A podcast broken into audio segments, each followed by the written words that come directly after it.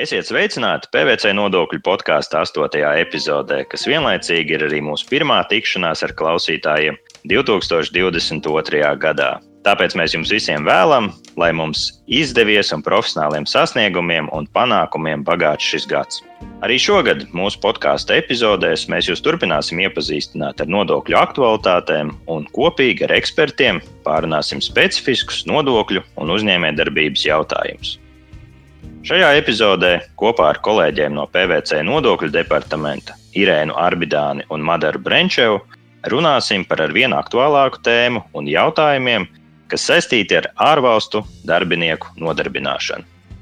Jau kādu laiku globālās tendences liecina, ka darba tirgus ir paplašinājies ārpus vienas valsts robežām.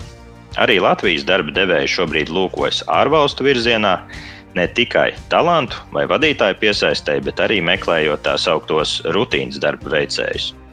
Covid-19 pandēmijai turpinoties un attālinātā darba nozīmē pieaugot, Latvijas uzņēmējiem arvien biežāk rodas jautājums, kādā veidā vislabāk pieņemt darbā ārvalstu darbiniekus, it īpaši, ja tie strādā attālināti no savas mītnes valsts. Par to arī mūsu šīs dienas saruna. Labdien, Irēna un Madara! Labdien! Labdien! Šis laiks ir pierādījis, ka ar vien vairāk uzņēmumi darbinieks nodarbina pilnībā vai daļēji attālināti, kas savā ziņā paplašina iespējas piesaistīt strādājošos no citām valstīm. Kolēģis, kādas ir šī brīža aktualitātes šajā jomā? Šobrīd vispopulārāk joprojām ir slēgt darba līgumu ar ārvalstu darba ņēmēju. Būtībā, ja salīdzinām procesu ar Latvijas darba ņēmēju pieņemšanā darbā, ārvalstnieka pieņemšana prasa papildus laiku un līdzekļus, lai iepazītos ar ārvalsts normatīviem aktiem, kā arī noformētu darba līgumu un piedāvātu atalgojumu kopumu atbilstoši ārvalsts likumvidas prasībām. Ja darbinieks fiziski veids darbu ārvalstīs, tad ir jāpiemēro šīs valsts darba un nodokļu tiesību normas. Tādēļ rūpīgi jāizvērtē, kādas prasības pastāv kādā, katrā konkrētajā valstī.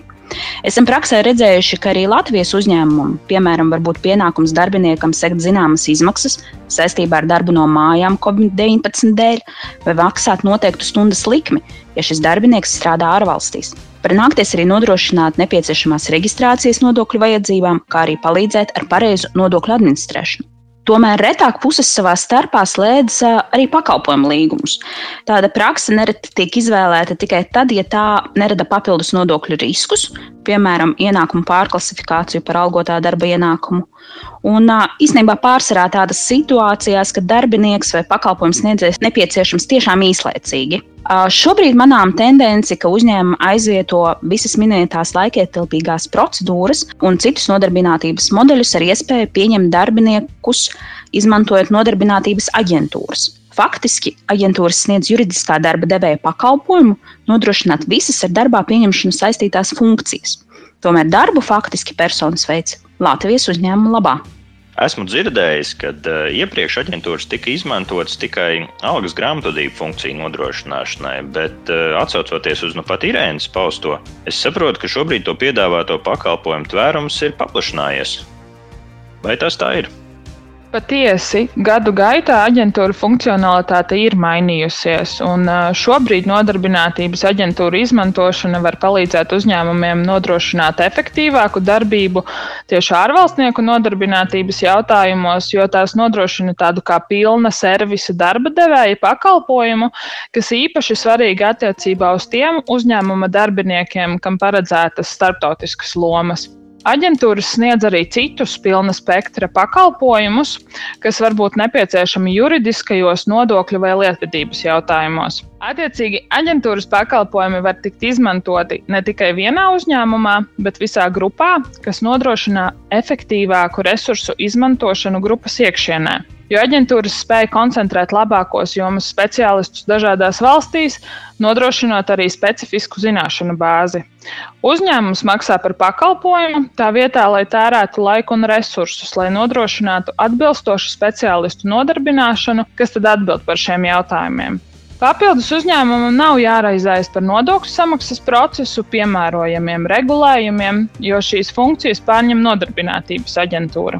Tāpat dažas no aģentūrām piedāvā arī darbinieku aizvietošanas iespēju ilgākas prombūtnes laikā. Piemēram, ja uzņēmumam ir nepieciešami steidzami aizvietot kādu darbinieku amatā, kur īsā laikā iespējams apgūt uzņēmuma darbības specifiku, aģentūra spēja pietiekami ātri reaģēt, piedāvājot atbilstošus kandidātus. Rezumējot, aģentūras koncentrē minēto pakalpojumu nodrošināšanu vienu vietu, kur agrāk procesu nodrošināšanai bija nepieciešams iesaistīt vairākus pakalpojumu sniedzējus. Madara, lai mūsu klausītāji labāk izprastu, kā aģentūra izmantošana strādā praksē, varbūt var minēt arī kādu piemēru.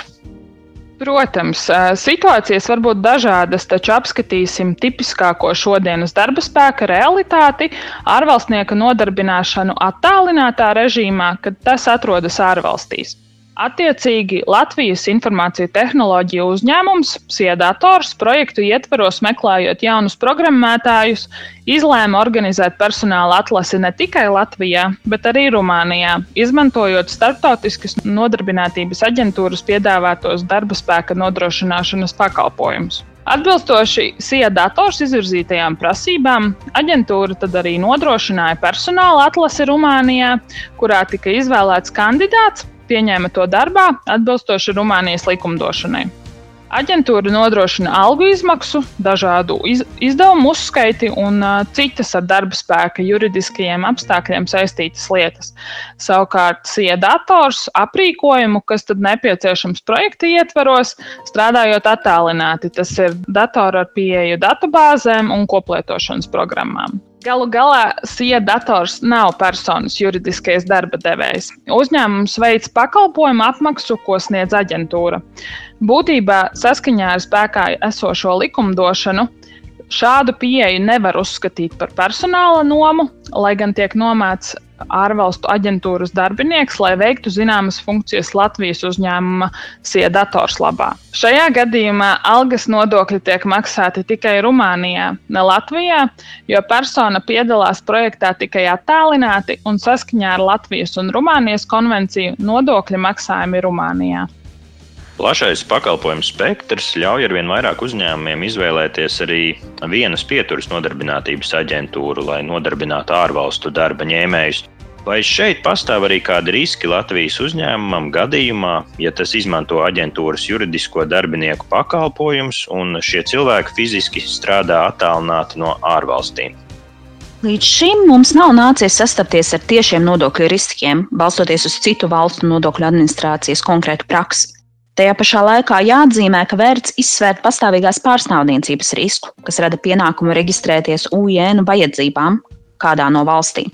Ja pastāvīgā pārstāvniecība tiek konstatēta tādēļ, ka uzņēmums nodarbina citā valstī darbiniekus, lai arī ne juridiski, bet tikai ekonomiski, jo juridiski to dara tomēr aģentūra, tad tam uz pastāvīgo pārstāvniecību jāattiecina daļa no peļņas, balstoties uz transferu cenu principiem, un attiecīgi jāmaksā arī uzņēmuma ienākuma nodoklis. Tajā pašā laikā līdzinējā praksa rāda, ka nodokļu administrācijas nekonstatē šādos gadījumos patstāvīgās pārstāvniecības. Ja vien netiek atklāts, ka aģentūras tiek izmantotas ar mērķi nemaksāt nodokļus, tad tajā skaitā novērst pastāvīgās pārstāvniecības risku. Mādara minēja tādu terminu kā personāla noma. Vai tas ir attiecināms tikai uz aģentūru izmantošanu? Faktiski personāla nomai var izdalīt tādu vispārēju terminu, kas attiecas uz darba spēka nodrošināšanas variantu. Te attiecīgi var likt vienādības zīme ar aģentūras izmantošanu vai personāla iznomātāju.